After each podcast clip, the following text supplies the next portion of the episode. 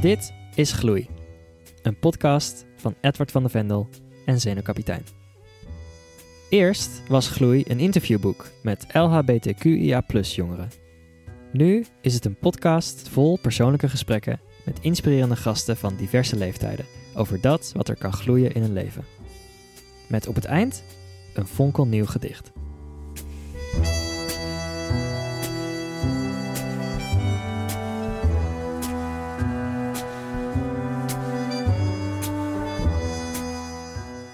Tim Sastroviarjo studeert communicatiemanagement en is wushu-sporter. Hij was Europees kampioen bij de junioren en haalde brons op de Youth Olympic Games. Maar de twijfels sloegen toe. Kunnen homoseksualiteit en topsport echt samengaan? Tegenwoordig geeft Tim voorlichting voor de John Blankenstein Foundation en is hij mentaal coach.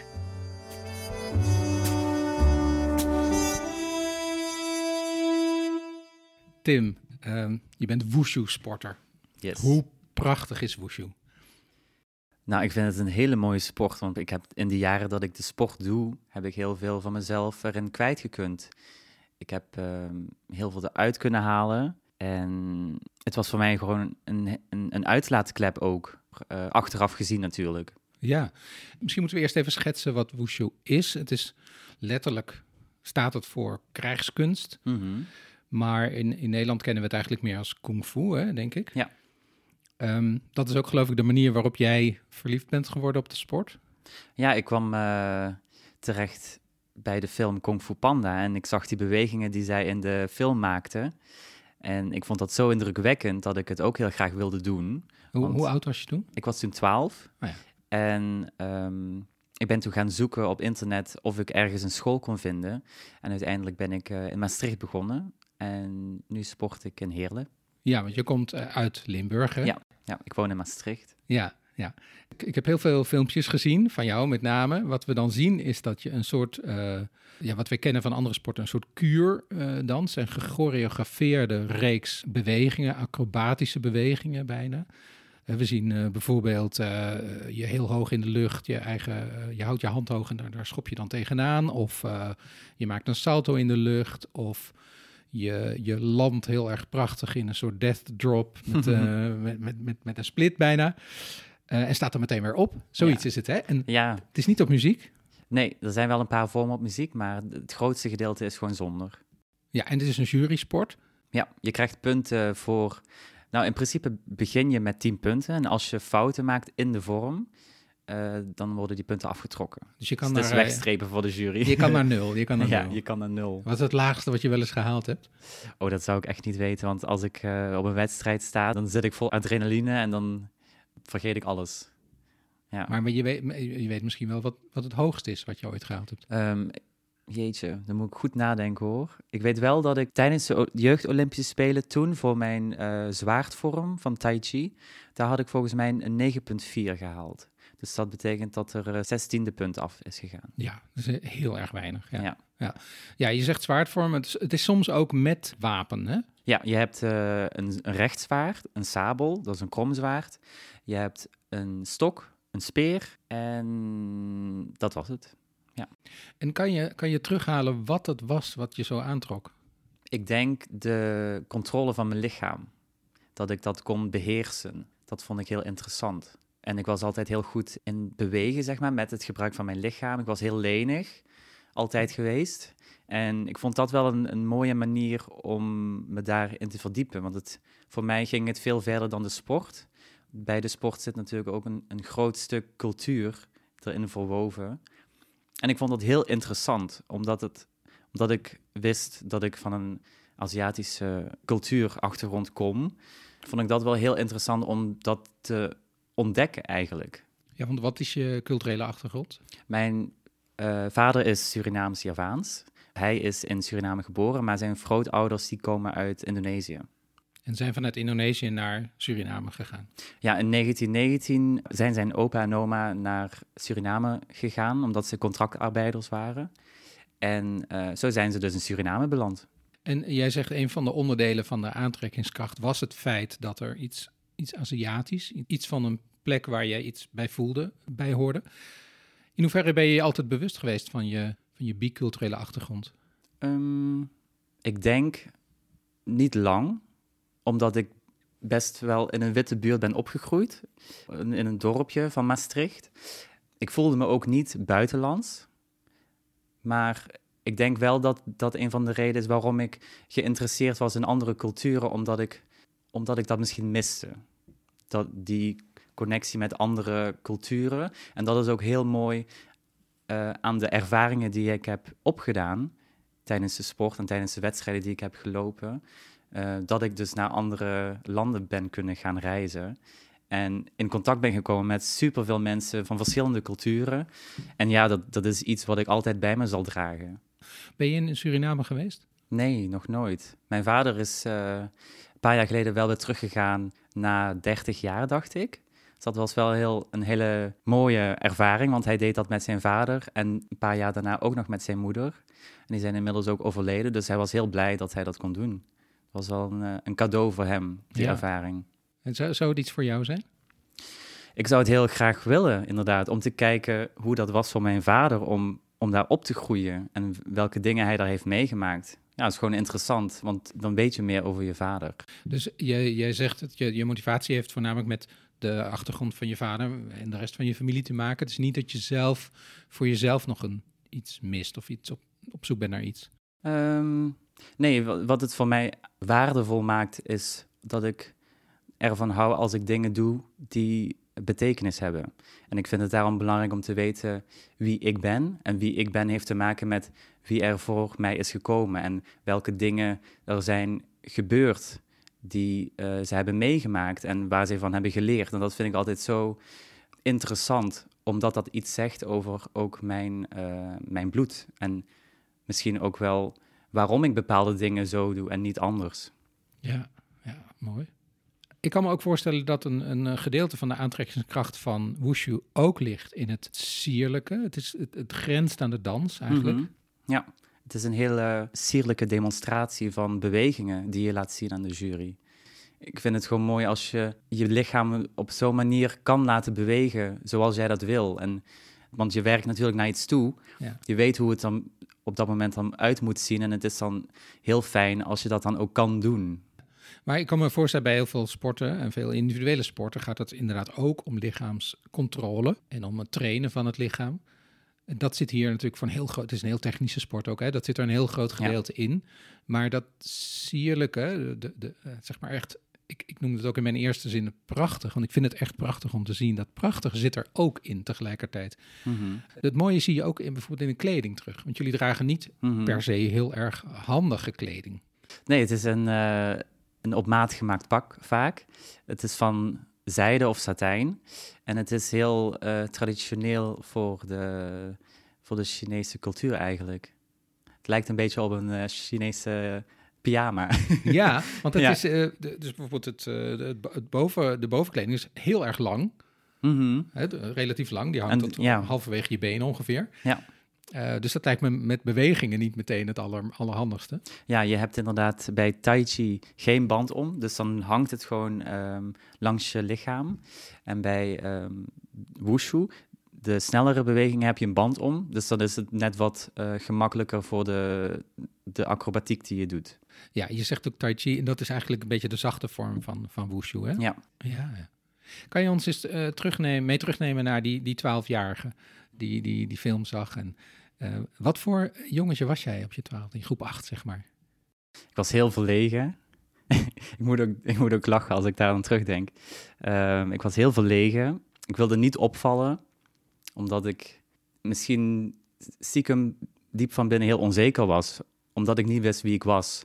En als er aandacht op mij kwam, dan, dan zag iedereen mij. En ik, ik vond dat niet fijn. Dus ik was gewoon heel, eh, heel verlegen en heel lief. En ik droeg altijd een glimlach om te maskeren dat ik misschien van binnen inderdaad me niet lekker voelde. Of dat er ergens iets was waarvan ik toen nog niet wist eh, wat het was. Is dat een soort eh, anders voelen ook? Zat dat er toen ook al in, denk je? Ja, want ik wist, eh, op mijn twaalfde kwam ik uit de, uit de kast. En ehm, ik wist dus al een tijd dat ik anders was, omdat jongens gingen praten over meisjes. En die gevoelens bij meisjes hadden. En dat, ik had dat niet. Ik dacht, ik hoorde dat en ik dacht, oh, dat heb ik niet. Dus op dat moment realiseer je je pas dat je anders bent. En, want je gaat ervan uit dat misschien ook andere mensen dat hebben als, als je dat nog niet hebt gehoord. Dus ja, als je dat realiseert, is dat wel even een impact. Ja, maar met 12-jarige leeftijd, dat is best vroeg. Mhm. En, en uh, kan je ons die tijd eens schetsen? Was dat nog in groep 8 of was het eh, op de, in de brugklas? Ik was... Um, ik ben een jaar blijven zitten in groep 1 of 2. Dus ik was een jaar ouder dan mijn klasgenoten en ik was denk ik 12 of 13 toen ik uit de kast kwam. En dat was in mijn eerste jaar van de middelbare school. Ja. En uit de kast kwam, zeg je? Dat betekent dat je het verteld hebt. Mm Aan wie heb je het verteld? Nou, het was grappig, want voordat ik het vertelde, of wilde vertellen, daar zat een heel proces voor. Want mijn mentor, die prikte door mijn glimlach heen. Zij was mijn mentor en zij zei tegen mij, Tim, en wil je, wil je graag praten, want je bent altijd vrolijk en dat, dat kan eigenlijk niet. En ehm, gelukkig, het was, het was één op één dat gesprek al. Dus ik voelde me wel veilig om inderdaad dat gesprek aan te gaan. En gewoon om um, me gehoord te voelen. Dus dat was voor mij heel fijn dat zij dat deed en dat zij die tijd voor mij nam. En uiteindelijk um, had ik met haar gesprekken over hoe ik me voelde en of er iets was. En de eerste paar gesprekken wist ik het zelf ook niet. Maar ik wist wel dat er iets was. En het, ik weet niet of het met opzet was, dat zij niet specifiek benoemde wat zij misschien dacht. Dus dat, dat is dat invullen, zeg maar. Dat heeft zij niet gedaan. En ik denk dat dat voor mij heel goed heeft uitgepakt, omdat ik zelf er uiteindelijk mee moest komen. Omdat ik ging nadenken over, hè, er moet inderdaad iets zijn, want ik voel me niet lekker, dus wat is het dan? En ja, uiteindelijk wist ik dus dat het kwam omdat ik op jongens val. En dat heb je dus tegen haar als eerste gezegd? Ja. En daarna? Daarna um, was het voor mij heel moeilijk om dat te accepteren, want ik wilde niet anders zijn. Dat vond ik heel eng. En ik wilde ook niet mijn ouders uh, teleurstellen om anders, omdat ik anders ben. Um, en toen hadden we gezegd: Oké, wat wil je als eerste doen? Wil je het thuis als eerste vertellen of wil je het in de klas als eerste vertellen? En ik voelde me op dat moment meer op mijn gemak uh, bij de klas om dat te doen, omdat ik hun elke dag zag. En ik dacht, oké, misschien als ik het tegen mijn klas vertel, is het minder eng, omdat thuis mijn familie zit. En familie staat dichter bij je dan vrienden, zeg maar. En ik dacht, als het dan niet goed gaat, dan heb ik altijd mijn familie nog en hoef ik het niet te vertellen. Wauw, dit is ongeveer het tegenovergestelde van wat bijna iedereen zou denken. Ja. Die zou denken, voor de klas, dat is doodeng. Ja. Maar heb je, dat heb je dus ook gedaan op je, op je dertien al? Ja. Hoe, ja. hoe ging dat dan? Um, het gebeurde in de mentorklas. Mijn uh, mentor die leidde eigenlijk de situatie in door een verhaaltje te vertellen over iemand die was gaan zwemmen en hij verdronk bijna. En ik zeg hij, maar het werd even in het midden gelaten of het een hij of een zij was. En dat hij eruit werd getrokken door ook een sterk iemand. En dat werd ook daarbuiten gelaten of het een hij of een zij was. En die persoon die verdronk, die werd verliefd op die persoon. En toen zei zij van ja, wie denken jullie dat het was, een man of een vrouw?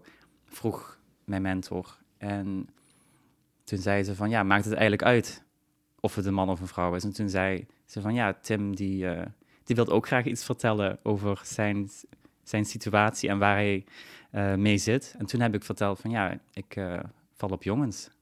Wauw, wat dapper, wat ja. dapper. Zo vroeg al. Ja. Maar hoe, hoe, wat voor dag was het? Laten we daarmee beginnen. Weet je dat nog? Nou, dat, dat moet ik even goed nadenken hoor. Uh, het was denk ik gewoon een normale dag. Ik denk dat het wel heel spannend was. Spannender dan normaal. Omdat je natuurlijk weet dat de klas het erachter gaat komen. Dat je, het, ja, je hebt het niet zelf in de hand, want je, je doet het samen. Dat was aan de ene kant heel fijn. Maar aan de andere kant dacht ik wel van ja, ik kan niet meer terug. Nee.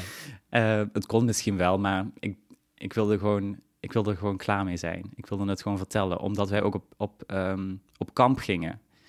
En mijn mentor zei ook van misschien is het goed als je het voor het kamp vertelt. Want ja, vaak zijn, je bent dan ook zeg maar dicht bij elkaar en vaak kunnen die dingen ook dan al aan te pas komen, die onderwerpen. Dus het is al fijn als je van tevoren dat dan zegt.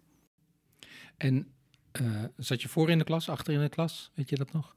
Um, ik denk in het midden ergens, aan de zijkant, bij mijn uh, vriendinnen. en, uh, Want je had een groepje vriendinnen. Ja, ik had een groepje vriendinnen. En daar wist ook niemand het van? Uh, er werd niet over gesproken, maar ik denk wel echt... Ik, ik weet wel dat twee vriendinnen het sowieso al wisten. Gewoon aan de manier hoe ik deed. En hoe, me, hoe ik met hun omging, ja. Ja. Er werd, jouw naam werd genoemd, hè? dus het inleidende verhaaltje was geweest. De hele klas keek opeens jouw kant op. Ja, ik voelde dus meteen die spotlight op mij. Die, die aandacht wat ik, nooit, uh, wat ik nooit had gewild, zeg maar. Maar het was gewoon heel bevrijdend om te zeggen van ja, ik uh, val op jongens. Zoals je dat, was dat de letterlijke zin? Ja, ja, dat was de letterlijke zin. En ik weet niet, het, was, het ging zo snel voorbij eigenlijk. En ik had een soort blackout, want ja, ja, ik weet niet hoe je het moet noemen, maar het was gewoon zo. Uh, het was heel bevrijdend, het was heel spannend. Dus er gaat van alles door je heen. En um, de reacties kwamen vanuit de, de klas. Ja, en wat was de allereerste reactie? Het, het waren sowieso allemaal positieve. Er was geen één, negatieve reactie. Um, maar het was zoiets als um, heel goed dat je het nu al weet. En dat vond ik, ja. Want ik denk dat ze zelf ook al wisten dat het best jong was. En um, ik heb ook heel veel reacties gehad over um, dat ze trots waren op dat ik het wist, inderdaad. En dat, dat ik eruit voor durfde te komen. Dus het was alleen maar een warm bad waar ik in belandde, zeg maar. Ja. Is, het, is het warm gebleven de jaren daarna? Ja, grappig genoeg wel. Alleen uh, ik merkte dat ik zelf nog een beetje moeite ermee had. En dat kwam meer omdat ik mij nog steeds anders voelde. En dat heeft ook later, uh, of recent in mijn uh, leven, een groot ding gespeeld. Omdat dat negatief in mijn hoofd dan komt. Ja. Ik weet niet hoe ik moet zeggen, maar... Ja, we komen daar denk ik zo nog op. Ja. Maar nog even uh, je ouders, want dat heb je dus inderdaad niet meteen verteld. Is dat later wel gebeurd? Ja, ik heb dus het vervolgens aan mijn moeder verteld. We gingen samen zitten en mijn moeder kwam naar school. En daar zat mijn mentor ook bij. Dus dat was ook heel fijn natuurlijk. um, en toen heb ik gewoon verteld, ja, uh, ik val op jongens en ik, ik heb er gewoon zo mee geworsteld. En mijn moeder was zoiets van, ja joh, ik ben heel blij dat je dit zegt. Want ja, het is toch helemaal niet uh, de moeite waard om, om er zo mee te worstelen. Dus ja, als kind wil je dat natuurlijk alleen maar horen dat je geaccepteerd wordt. Dus het was heel fijn dat dat op die manier kon gaan. En het was gewoon zo'n veilige omgeving. Ik had ik zelf, het, het, werd me wel heel makkelijk gemaakt omdat ik juist met die mentor was en um, begeleiding kreeg. Dus dat was, ja, dat was echt een top experience eigenlijk. Ja, en een, een top mentor. En een top mentor, ja. En hoe heette ze? We moeten even haar naam Sandra. Sandra heet zij. En Sandra heeft het dus echt gedaan zoals het hoort. Ja.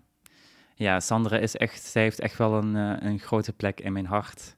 Want zij heeft uh, zij had een privé situatie ook gerelateerd met homoseksualiteit. Ze was niet zelf lesbisch, maar doordat zij dat heeft meegemaakt, was haar keuze om mij te helpen. Want zij zag dat aan mij, zei zij later.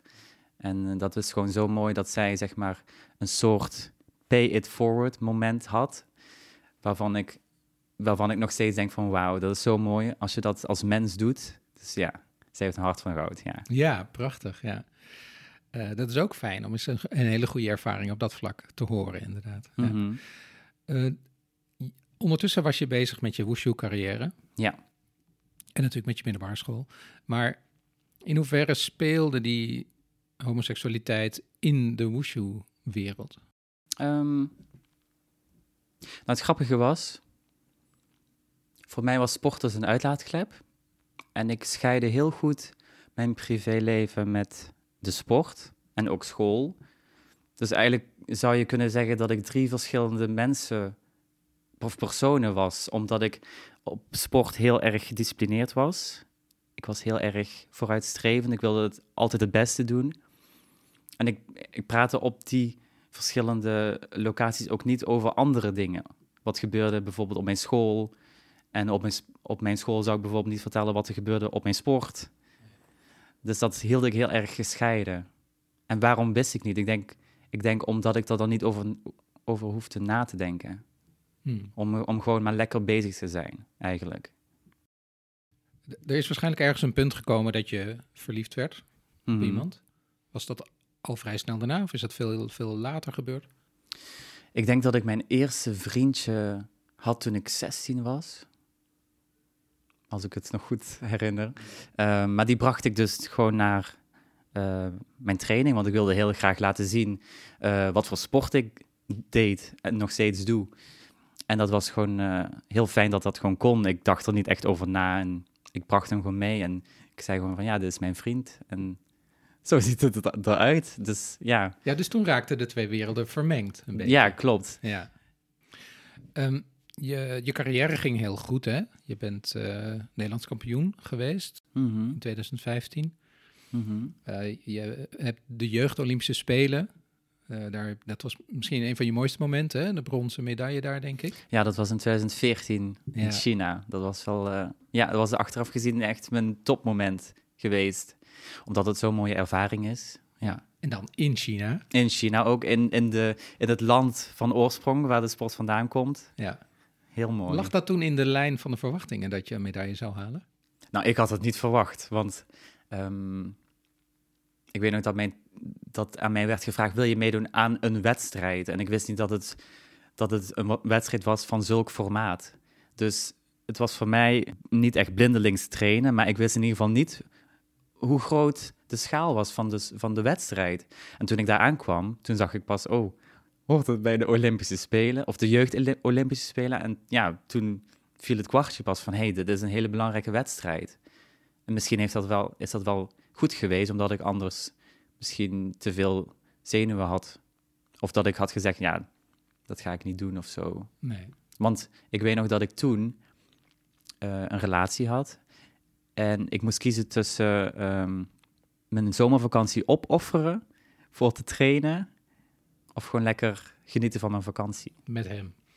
Nou, hij was, eh, hij was op vakantie met zijn beste vriend. En dat vond, ik, ehm, dat vond ik heel erg, want ik kon er niks aan doen. Want ik kende hem nog niet zo heel lang. En ehm, ik voelde me zo machteloos. En ik kwam toen in een emotionele strijd met mezelf. Want ik wist niet hoe ik ermee om moest gaan. Met het feit dat hij met iemand anders op vakantie was. Ja, precies. Ja. En ik was emotioneel gewoon helemaal ehm, toen niet stabiel. En daardoor wist ik niet of ik die wedstrijd wilde doen. Maar ik ben blij dat ik die keuze dus gemaakt heb. Want ja, het heeft me een hele mooie ervaring opgeleverd. Ja, dus in al die emotionele turbulentie. Ja, Hè, dat was helemaal niet de perfecte voorbereiding. Maar uiteindelijk is dat een piekmoment in je carrière geworden. ja, Ja. zo gek joh. Maar ik, ik moest wel echt mijn emotionele zelf uitschakelen. Want ik had gewoon zoveel verdriet eigenlijk van, van de situatie. En als ik, ik moest twee keer per dag sporten. En ik merkte gewoon na een paar trainingen dat ik niet kon sporten en niet mijn hoofd erbij kon houden. Dus na een tijdje dacht ik zoiets van, oké, laat het los. Maar het was niet een loslaten als in, ik heb er vrede mee, maar meer als in een wrok. En als je een wrok hebt, dan, dan schakel je zeg maar ook je liefdevolle kant uit. Dus ik was ook helemaal niet aardig tegen hem. En ehm, ik, liet ook no- ik liet niet veel meer van mezelf weten. Dus dat was natuurlijk, denk ik, voor hem ook heel pijnlijk dat ik dat deed. Maar het was inderdaad om te zorgen dat, dat ik eh, kon trainen überhaupt. Ja. En achteraf kom je daar dus achter dat je dat deed. Want dat doe je niet bewust natuurlijk. Je maakt niet bewust de keuze van oké, ik moet mijn gevoel uitschakelen. Je bent gewoon bezig dan met overleven eigenlijk. Want ik was wel echt, ik zat wel echt in een depressieve periode toen. En achteraf komt dat natuurlijk allemaal naar boven. En moet je daarmee dealen. Ja, want dat is sowieso wel een constante later. We komen er straks ook nog op. Dat zijn toch ook wel echt jouw twee kanten. Hè? Mhm. Aan de ene kant heel gevoelig, Mhm. denk ik. Ja. En aan de andere kant toch ook in staat om te zeggen, om te kijken naar die gevoelens en te bedenken, nee, dit werkt niet, dit, dit moet ik anders gaan doen. Eh, ik zet dit weg of ik sla even tijdelijk de bladzijde om. En dan volgt er dus stilte vanuit China Ja. naar je vriendje, ja. omdat je met andere dingen... Dus je- dat kan je ook. Mhm. Ja, dat was voor, dat, dat moest voor mij, omdat ik me anders niet kon eh, focussen op de wedstrijd. Uh, dat is iets wat denk ik veel topsporters hebben. Hè? Dat het, de, de sport eigenlijk alles van je opvreet. Uh, niet alleen maar je, je fysieke aanwezigheid, maar ook waar je mee bezig bent in je hoofd. Vind jij topsport vreed daarin? Het wordt vreed op het moment dat um, dat niet wordt voorgelegd over hoe je mentaal met bepaalde dingen om moet gaan en hoe je je eigen grenzen kan bewaken. En een goede trainer die kan dat. Die geeft jou ook daar de ruimte in. En die vraagt ook van wat je wel en niet zou willen. En op het moment dat dat dus niet gebeurt, dan krijg je inderdaad situaties waarin atleten heel veel moeten inleveren van hun emotionele uh, gezondheid. Intussen eh, ging jouw carrière nog steeds goed. Je bent, volgens mij heb je een Europees kampioenschap ook nog gehaald. Even denken, ik heb inderdaad, ik ben Europees kampioen Tai Chi geweest. En ik ben vijfde nog geworden op het WK in Indonesië. Dat was in 2016. Ja, want je, je hebt een hele mooie website uh, gehad, denk ik. WushuTim.com. Ja, klopt. Ja. En er staan ontzettend leuke filmpjes op van, uh, van jou als, nou ja, 15, 16 jaar ja. aan het sporten is. Maar dat houdt op. Het houdt opeens op in 2016. Waar, waarom, het kan ook gewoon zijn dat je de website niet meer bijgehouden. Nou, dat sowieso, want uh, mijn vader deed dat voornamelijk als soort een dagboek eigenlijk. Voor mij ook, dat ik alles nog herinner. Uh, ik, ik herinner me niet alles van de wedstrijden die ik heb gespeeld. Ik stond er niet bewust bij stil. Um, dat laat ook zien dat ik met bepaalde dingen gewoon helemaal niet bezig was. Ik wilde gewoon presteren en laten zien hoe goed ik was. Want dat, dat, dat vond ik fijn. En voor mezelf een bevestiging dat ik ergens goed in was. Maar er was een WK in, in Rusland, geloof ik. Ik weet niet of het WK was. Uh, het EK. Het EK. Uh, toen moest jij eindexamen doen. Daar moest je ook nog ja, mee bezig. Klopt. En dat was een, een halve reden, voor zover ik het goed begrepen heb, om niet naar Rusland te gaan. Maar er was ook nog een andere reden. Ja, dat was inderdaad omdat ik weet dat in Rusland er geen goede rechten zijn natuurlijk voor LHBTI-mensen. En ja, ik vond het ook niet echt fijn om dan naar zo'n land toe te gaan waarin je weet dat je misschien wel voorzichtiger moet zijn voor wie je bent. Dat je daar op moet letten. En ik weet natuurlijk niet in welke mate, want ja, ik ben er nooit geweest. Maar ja, dat is gewoon geen fijne gedachte. De, dus daar eh, begon je seksualiteit zich te mengen eigenlijk in, eh, in je sport, ja, zou je kunnen zeggen. Maar sowieso ben je ook op een bepaald moment gestopt, even, met Wushu. Mm -hmm. Ik ben sinds oktober 2019 even gestopt. En sinds kort heb ik dat weer uh, opgepakt. In de tijd dat ik ben gestopt, ben ik er achter gekomen waarom ik ben gestopt. En dat was omdat ik me gewoon helemaal niet meer fijn voelde. Uh, ik merkte dat ik heel eenzaam was. Dat komt in heel veel aspecten in mijn leven kwam dat naar, naar voren. Dus dat viel met heel veel dingen samen en ik kon het gewoon even niet meer allemaal uh, doen. Ik wilde gewoon met alles stoppen. Ik had nergens zin meer in. Uh, ik werd ook heel erg teruggetrokken. Dus daarom dat ik die keuze toen had gemaakt. Ja, want de eenzaamheid is, is, is, is een woord wat daar heel erg in opvalt. Hè? Eh, volgens mij, had je ergens verteld, zag je een filmpje op, op, op YouTube. Mm -hmm. Wat was dat voor filmpje? Dat was een soort uitlegfilmpje in een animatie. En ik weet nog dat ik, dat, uh, dat ik daarop klikte. En toen werd heel mooi uitgelegd wat precies eenzaamheid was. En welke onderdelen het van je leven eh, raakt. En hoe je er zelf ook iets aan kan doen. En waardoor eenzaamheid ontstaat. En ik denk, doordat ik dat zag, want het was gewoon een weerspiegeling van mijn leven, wist ik gewoon, oké, okay, er is ook iets aan te doen. Je hebt ook zelf een bepaalde verantwoordelijkheid erin dat je je weer fijn voelt. Had je je al eerder, voordat je dat filmpje uh, zag, had je je toen al gerealiseerd dat je, dat je eigenlijk eenzaam was? Dat het zo simpel was, dat dat het was? Nee, omdat je, misschien dat je er soms al over nadenkt, maar ik denk dat het een soort van trots is, waardoor je zegt van nee, ja, ik voel me toch niet eenzaam, ik ben dat toch niet? Want ja, dat klinkt heel onpopulair om te zeggen natuurlijk van hé, hey, ik voel me eenzaam. Dus ik denk dat ik er niet aan wilde geloven dat ik me zo voelde.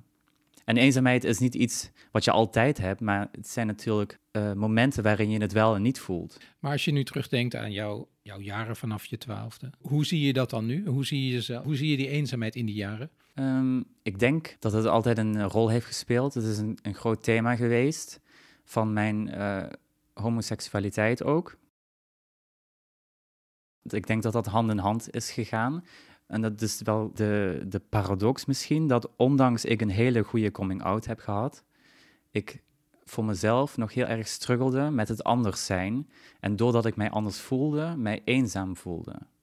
Want ik zag nooit iemand anders dicht bij me die ook homoseksueel was en die met bepaalde dingen om is gegaan. Dus ik had altijd het gevoel dat ik er alleen voor stond.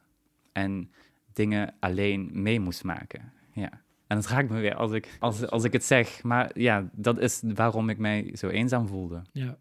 Het is ook een vrij harde constatering natuurlijk. Hè? ja. Zeker als je dat over jezelf als tiener terugziet. Mm en als je dat moet toegeven, uh, dat doe je namelijk ook heel erg mooi. Dat doe je op meerdere momenten. Je hebt het ook in interviews gezegd namelijk. Uh, maar als je moet toegeven dat, dat dat zo is, ondanks dat je dus eigenlijk zou kunnen zeggen: ja, maar je hebt een fantastische coming-out gehad. En je had een vriendje. Dat was toch allemaal leuk? Ja, dat is wel de droom inderdaad. En ik ben ook natuurlijk heel bang dat, dat het dan overkomt alsof het door andere mensen komt. En dat vind ik dan zo zo erg dat ik dat dan moet zeggen, bijvoorbeeld bij familie of vrienden of in de sportclub, dat ik me eenzaam voelde, ondanks dat ik een goede coming-out had en dat het topvrienden of familieleden zijn. Ik, ik, ik wil dan altijd duidelijk maken dat het dus niet aan hun ligt, maar aan mij. En dat ik daar verantwoordelijk voor ben en niet zij, in dit geval, in mijn situatie. En dat is ook wat ik heb geleerd. Ik was altijd heel erg gesloten. Ik, zou, ik, vertelde nooit Ehm, wat mij dwars zat of wat ik fijn vind. Ik was altijd bezig met andere mensen, of andere mensen het fijn vonden, of wat de andere behoeftes waren van, van iedereen. En daardoor legde ik gewoon de aandacht op hun en niet op mij. En doordat ik dus dat deed, werd er ook nooit naar mij gevraagd. Of, maar dat wilde ik heel wel heel graag. Dat was mijn behoefte of mijn, mijn verlangen. En doordat dat niet gebeurde, doordat mensen ook niet wisten wie ik was. Of ja, hè, dat klinkt een beetje. Ze wisten wel wie ik was, maar op een, op een bepaald niveau ehm, konden zij ook niet echt een connectie met mij maken, omdat ik me niet liet zien. En daardoor voelde ik mij eenzaam. En ik verlangde dus altijd naar iemand die erom vroeg. Als je realistisch bent, gebeurt dat natuurlijk niet op die manier zoals jij dat wil. Dus dat is eigenlijk een illusie wat je, wat je dan verlangt. Je had eigenlijk nog vele jaren een, een Sandra nodig gehad. Ja, eigenlijk wel, ja. Maar ja, dat is, dat, dat is een illusie eigenlijk. Dat is niet realistisch. En ik kwam dus op een punt dat ik zei: Oké, ik kan dat misschien wel altijd verlangen of willen. Dat ik een bepaald droombeeld in mijn hoofd heb. Maar ik kan ook gewoon nu werken aan mijn uh, sociale connecties zonder dat ik zit te wachten en passief blijf. Ja, want je hebt voor jezelf dus ook een, eh, een uitweg uh, bedacht, hè? Een, bijna een plan, zoals je het nu zegt. ja, klinkt heel strategisch. ja, nou, je bent niet voor niks sporter, hè? Ja. Maar uit welke onderdelen bestond dat, dat plan van aanpak? Nou, dus in dat filmpje uh, werd er verteld hoe je dat soort dingen kon aanpakken. En daar werd dus in uitgelegd dat je van jezelf dan een perceptie hebt dat je anders bent dan ga je ook negatiever kijken naar de interacties die je hebt met mensen. En doordat je dat negatief framet, wordt het steeds erger. Dus het is een visueuze cirkel die steeds um, negatiever wordt, waardoor je dus je gedrag ook aanpast en je eenzaam gedraagt. Want dan denk je van, oké, ze nodigen me wel uit, maar heeft het wel zin? Dus dan ga je bijvoorbeeld dan niet naar een feestje of een evenement. En dat wordt steeds erger en erger en je maakt het steeds erger in je hoofd waardoor je dus uh, je zo eenzaam voelt. En om daaruit te komen, vergt gewoon een andere kijk op je leven. Dat is mentaal best moeilijk, omdat je voorbij dat oordeel moet gaan van wat je denkt dat anderen van je vinden. En dat is gewoon een hele kronkel in je hoofd, want je probeert er niet op te letten, maar je hebt er altijd zo hard op gelet. Ja. Dus je moet eerst zien dat je dat ingebeelde oordeel hebt, ja. dus dat je, dat je inderdaad inbeeldt van ze zullen wel dit en dit zeggen. Dat moet je eerst leren zien. En dan moet je daar bewust voorbij gaan. Ja. ja. Na het filmpje, na dat zien van het filmpje, na je dit realiseren, is het toen heel snel beter gegaan? Ik ben wel inderdaad van het aanpakken. Dus als ik voor iets ga, dan ga ik er ook voor. En aan de ene kant voelde het bekijken van het filmpje heel bevrijdend al. Omdat ik wist, oké, ik kan er iets aan doen. Dus ik was toen al heel blij van, oké, ik ben niet de enige. Uh, ik kan er iets aan doen. En dit en dit kan ik aan doen. Dus dan ga ik daar gewoon lekker mee aan de slag. Dus ik had inderdaad gewoon opties van, oké, ik ga meer van mezelf laten zien. Ik ga meer zeggen wat ik van bepaalde dingen vind, zodat mensen ook een connectie met mij kunnen krijgen. Hoe ik met mensen, denk ik, omging van tevoren was gewoon heel zakelijk en heel politiek correct. Dus ja, dan heb je al niet echt het idee van: oké, hier weet ik meer over en hier kan ik ook meer over vragen. Want ja, dat laat je dan niet toe als je je zo opstelt. Dus ik wist precies zeg maar waar het aan lag en dat kon ik dan aanpakken. En je wilde misschien een beetje afraken van dat jongetje wat altijd glimlacht en daardoor iedereen op afstand ja, houdt. Want die was, ja, die was toen heel bang en onzeker. Sterker nog, het is niet alleen maar dat je voor jezelf daaruit gekomen bent, maar je hebt ook een sterke wens om dat bij anderen te bewerkstelligen. Je schrijft ergens op, uh, op Instagram: uh, We voelen ons vaak niet serieus genomen als we zeggen hoe we ons voelen. Dat wil ik veranderen. Punt. Prachtige, sterke, sterke uitgangspunt. Hoe, doe, hoe doe je dat? Dat is een mooie vraag. Ik doe dat door actief te luisteren naar mensen. En ja, dat klinkt natuurlijk heel, heel zweverig, maar op het moment dat mensen gewoon met mij praten, probeer ik gewoon na te denken over wat mensen eigenlijk willen zeggen. En de reden, denk ik, waarom ik denk dat ik daar dat goed kan lezen, is omdat ik altijd zelf, toen ik jonger was, signalen gaf van hey, uh, zie mij. Want ik wilde heel graag ook al wilde ik niet de aandacht hebben, ik wilde wel gezien worden. En dat zag Sandra, mijn mentor. En dat vond ik zo mooi. En ik denk doordat ik dat heb meegemaakt, kan ik ook makkelijker misschien naar mensen zien of ze gezien willen worden. En je hebt zelfs een, een je, je bent de mentale coach, hè? zo noem je jezelf. Dat is een manier waarop jij hulp biedt. Dat is een mhm. website waar mensen kunnen zich aanmelden bij jou. En dan ga je in gesprek, denk ik, met ze. Ja. Uh, je bent Sandra geworden. Dat is het eigenlijk, hè?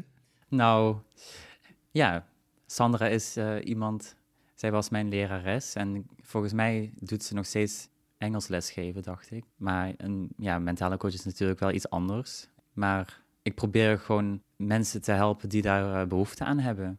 Hoe bijzonder is het om dat te doen? Het voelt heel bijzonder, omdat ik ben heel erg dankbaar altijd als mensen met hun verhaal naar mij toe durven te komen.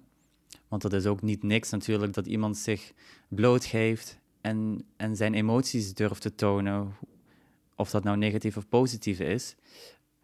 Ik vind het fijn als ik mensen het gevoel kan geven dat ze gehoord worden. Dat is wel een hele belangrijke, ja. En behalve je, je studie, communicatiemanagement, uh, is dit dan ook echt een, een, een, een beroepskeuze? Um, ik heb dit opgestart omdat ik wist dat ik in deze richting wilde opgaan. Daarom heb ik ervoor gekozen dat ik nu uh, mensen help uh, in Prodeo. Dus dat doe ik dan gratis. Dat staat nergens aangegeven, maar als mensen mij contacteren, dan, dan vraag ik daar geen geld voor, omdat ik niet veel ervaring heb. Ik weet wel dat ik daar aanleg voor heb, maar daarom vraag ik daar gewoon nog geen geld voor. Um, ik weet wel dat ik richting de psychologie wil gaan. En um, ik weet niet of ik dit blijf doen. Maar wie weet waar het naartoe gaat. En ik ben blij dat ik uh, al mensen heb kunnen helpen met mijn, uh, mijn, mijn project. Um, een van de andere dingen die je ook opgepakt hebt en die je ook doet, is uh, je bent vrijwilliger en je bent voorlichter bij de John Blankenstein Foundation. Mm -hmm. Kun je misschien nog even, voor mensen die niet weten wat dat is, vertellen wat de foundation doet? De John Blankenstein Foundation die verzorgt workshops voor organisaties, voornamelijk sportorganisaties. En het doel van uh, die workshops is eigenlijk om een veilig klimaat te creëren in een groep of in een team, zodat mensen zich er uiteindelijk veilig genoeg in voelen om dus, als zij dat willen, uit de kast te komen. En een veilig klimaat, dat gaat verder dan uit de kast komen. Dat gaat ook over durven te zeggen wat je niet fijn vindt of grenzen durven aan te geven.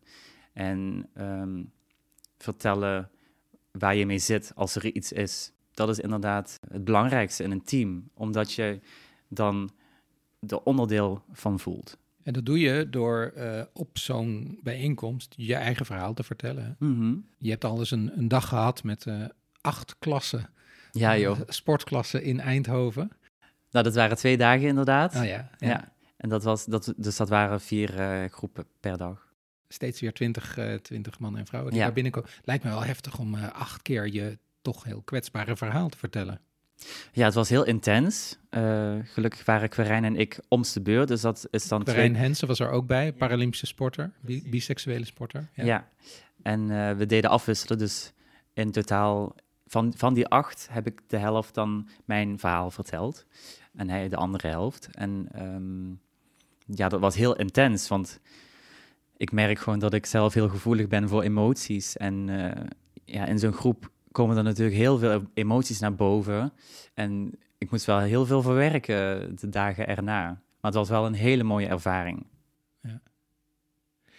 Je hebt Wushu weer opgepakt. Mhm. Dat is heel erg bijzonder, na een pauze van twee jaar. Ja. Eh, kon je lichaam het wel? Nou, ik, ik heb natuurlijk van tevoren nog even, of ja, even. Ik heb wel gewoon doorgesport. Ik heb eh, fitness gedaan en hard gelopen. Dus ik was wel enigszins in vorm, tot op bepaalde hoogte natuurlijk. Maar ik merkte wel echt dat ik eh, een, een groot deel van mijn sprongkracht en lenigheid was eh, kwijtgeraakt. En hoe voelt het om weer terug te zijn? Heel raar, want het voelde alsof ik gewoon niet ben weg geweest. Ehm, maar eh, voordat ik natuurlijk terugging, heb ik wel eh, mijn eh, reden natuurlijk ook verteld waarom ik weg, was gegaan. En die reden, daar kwam ik dus achter doordat ik bij de workshops mijn verhaal deed. Want ik moest daarover gaan nadenken toen ik die workshops wilde doen, wat, mijn, wat precies mijn verhaal zou zijn. Dus daar heb ik over nagedacht. En ehm, nou, eigenlijk was het, kwam ik dus daarachter dat ook eenzaamheid daar een rol had gespeeld. Want ik, had, ik voelde mij eenzaam in de, in de sportclub, omdat ik eh, die perceptie had. Niet omdat zij natuurlijk mij buitensloten, maar meer omdat ik mezelf buitensloot. Omdat ik van mezelf dacht dat ik eenzaam was en anders was. Dus toen heb ik dat verteld tegen hun. En het grappige is, in de laatste workshop van die twee dagen zat iemand van mijn sportclub in de workshop. Dus ik kreeg het heel warm, want toen ik hem zag zitten, dacht ik van, oh jeetje. dit, is, eh, dit is wel spannend, want hij is nu de eerste die dit gaat weten van de sportclub. En ik dacht, oké, ja, het, heeft zo moeten zijn. En ik, het is gewoon een mooi moment geweest om mijn verhaal te delen, ook met hem natuurlijk en de klas. En een mooie opening om uiteindelijk weer terug te gaan naar mijn sportclub. Want op dat moment zat ik nog niet, was ik nog niet teruggegaan naar de sportclub. Dat kwam eigenlijk pas nadat ik die workshop heb gedaan. En toen had toen tegen mezelf gezegd van oké, ik kan hem niet alleen laten zitten met dat verhaal. Want hij is dan de enige die het weet. Dus ik vind het dan wel zo eerlijk als ik het tegen de rest ook vertel. Dus dat heb ik toen gedaan daarna, een paar weken daarna. En dat was gewoon heel bevrijdend. Dus ik was in, in een hele nieuwe levensfase, zeg maar, gekomen door die, doordat dat was gebeurd. Door je voorlichting, die eigenlijk gericht was om anderen te helpen, werd je zelf geholpen. Ja, gek is dat. Zo werkt het blijkbaar heel vaak, denk Ja. ik. Ja. Maar ehm, wat heb je gedaan? Je hebt het gewoon letterlijk eh, naar de club geschreven, gezegd: kan ik, ik wil weer terugkomen, maar ik wil eerst met jullie praten. Nou, ik heb eerst met mijn, ehm, met mijn trainer afgesproken, te praten, had ik gezegd. Dus toen heb ik verteld ook waarom ik ook weg ben gegaan en eh, dat ik me eenzaam voelde. En dat was gewoon heel fijn en heel spannend voor mij, want dat was de eerste keer in al die jaren dat ik bij hem zat in de training, dat ik vertelde over hoe ik mij voelde. Dus dat was gewoon zo'n spannend moment voor mij. En eh, het was heel bevrijdend om dat te doen. En hij was ook gewoon heel begripvol. En dat heeft mij de moed gegeven om het ook uiteindelijk te vertellen bij mijn teamleden. En dat was een halve week later. Ja. En toen kon je verder met de sport. En toen kon ik verder met de sport. Ik werd weer eh, ja, ik, eh, opgenomen in de groep zoals normaal. Het was heel fijn en gewoon ook die rust voor mij dat ik weet dat het aan mezelf ligt als er iets aan de hand is. Eh, dat voelt gewoon heel fijn, die, die rust in mijn hoofd. Dat ik gewoon lekker kan sporten, dat ik gewoon me niet meer onzeker hoef te voelen over hoe, hoe, hoe ik me in de groep voel. Want dat ligt aan mezelf. Dat ligt aan mijn hoofd. Ja, ja want je hebt het ook, je hebt ook wel eens gezegd dat, eh, dat je bijvoorbeeld bij die voorlichting, die klasse, dat je toen opeens ging letten op hoe mannelijk je bewoog. Ja, Je merkte dat je op een bepaalde manier wilde overkomen. ja. ik denk dat dat ook een cultuurdingetje dingetje is. Want ja, in de Surinaamse cultuur is je mannelijkheid iets waar je heel trots op moet zijn. En eh, ja, als je dat stereotype doorbreekt, ja, dan, dan zeg je eigenlijk dat je niet meer mannelijks bent, zeg maar. En dat je, ja, dan, dan, dat je verwijfd bent, zeg maar.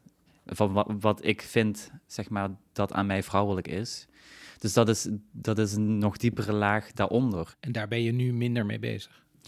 Ehm, ik merk wel dat ik het nog spannend vind om, om mijn vrouwelijke kant zeg maar, te laten zien, waarvan ik vind dat het vrouwelijk is. Maar ik probeer daar niet op te letten, want waarom zou het uitmaken? En ik, ik wil gewoon dat mensen zich daar niet voor hoeven te schamen, want iedereen zou eigenlijk hetzelfde moeten zijn, vind ik. Ik heb nog twee laatste vragen. De, de ene laatste vraag is, hoe is het met de liefde? Met de liefde gaat het eh is een gangetje. Ik heb eh, een leuke vriend. Hij heet Badder. En eh, ik ben heel gelukkig met hem samen. En het mooie van deze relatie is dat, dat ik gelukkig ben met mezelf. En dat hij een toevoeging is aan mijn leven. En voorheen had ik altijd dat ik een relatie moest hebben om gelukkig te zijn. En die verandering in mijn, in mijn intentie is heel gezond voor mij, omdat ik iemand dan niet die verantwoordelijkheid geef over mijn geluk. Dus ik, ik weet wie ik ben nu, wat ik fijn vind en ja, dat is gewoon heel gezond voor de relatie. We verschillen vijf jaar van elkaar en ik, wat ik fijn vond aan hem is dat hij open stond om dingen te leren. En wat ik ook tegen hem heb gezegd is, je moet dingen doen die jij leuk vindt. En als jij bang bent dat ik dat niet leuk vind, dan kunnen we daar gewoon over praten. Want het zou niet goed zijn als wij dingen voor elkaar moeten laten in een relatie. Want dan, dan ben je er niet voor jezelf. Je wilt uiteindelijk gelukkig zijn voor de ander. Want je wilt je beste zelf zijn in in een relatie. Ja, hij is vijf jaar jonger, hè? Dat Ja, is het, ja. ja. Ja, eh, maar het klinkt als een heel, heel goed uitgangspunt voor een relatie, toch? Ja, en ik denk inderdaad eh, dat dat voor mij een hele mooie verandering was in mijn leven, omdat ik, omdat ik altijd afhankelijk was van een relatie. En ik moest echt, do- doordat ik zo onzeker was, wilde ik mijn zekerheid ergens vandaan halen. Maar nu weet ik dat ik het vanuit mezelf moet halen. En de laatste vraag, eh, de, de toekomst binnen Wushu. Mijn toekomst binnen Wushu. Nou, dat is vrij open, want eh, ik kijk gewoon hoe het gaat. Ik vind het op dit moment gewoon heel fijn om gewoon weer te trainen met iedereen. Het voelt gewoon heel fijn om weer met mensen te trainen die ook heel veel passie hebben in de Wushu. En ehm, ik kijk welke wedstrijden er op mijn pad komen. Op dit moment is het natuurlijk heel spannend met de coronapandemie. Dat wordt eh, even afwachten. Maar als er een leuke wedstrijd komt, dan ga ik daar denk ik wel zeker aan meedoen. Ja, want de, de IOC heeft de, de sport eh, erkend, maar nog niet ingevoerd op de gewone Olympische Spelen. Mhm. Het is altijd een demonstratiesport geweest, helaas. Maar stel dat over vier jaar in, in Parijs, over drie jaar trouwens, dat, dat, eh, dat Wushu wordt toegevoegd aan het programma. Dan is dat, neem ik aan, wel een mooi doel. Dat zou zeker eh, ook een mooie ervaring kunnen zijn, ja.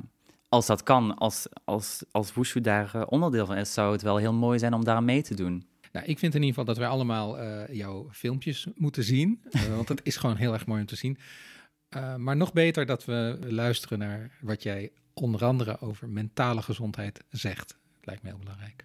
Ja. Tim, dankjewel voor het gesprek. Jij bedankt voor je tijd.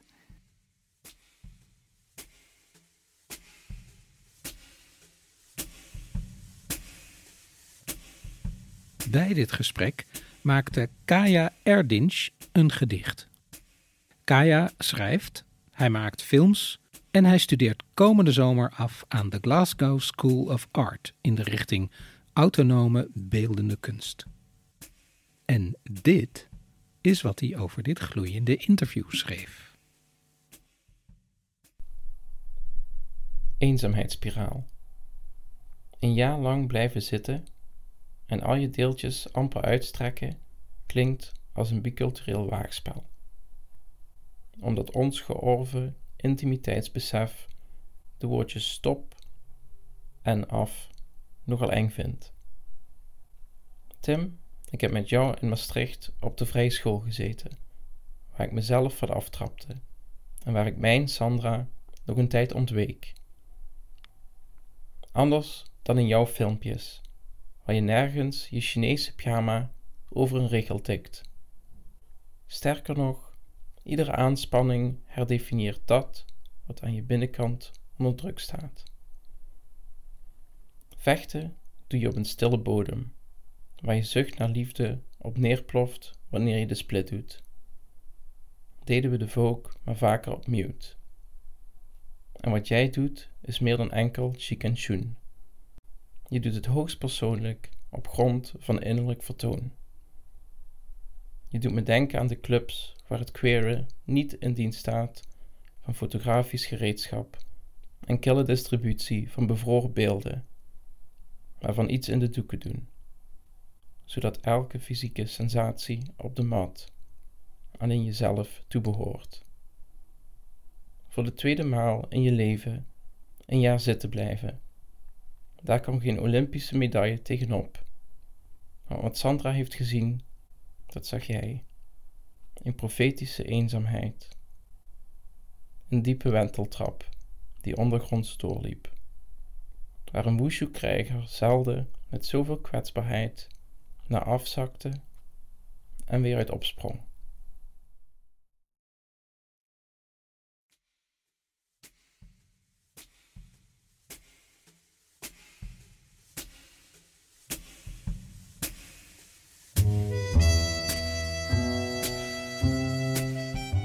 Dit was Gloei. Edward van de Vendel deed de interviews. Productie en editing waren in handen van Zene Kapitein. En single-uitgeverijen maakten deze podcast financieel mogelijk. Het gedicht van deze week werd geschreven door Kaya Erdinch. En Floor de Goede maakte een getekend portret. Te zien in je podcast-app, op @gloeipodcast op Instagram en op gloeipodcast.nl. Daar vind je ook de tekst van het gedicht, ons mailadres en alle afleveringen bij elkaar. Volgende week woensdag komt er weer een nieuw gesprek online. Tot dan!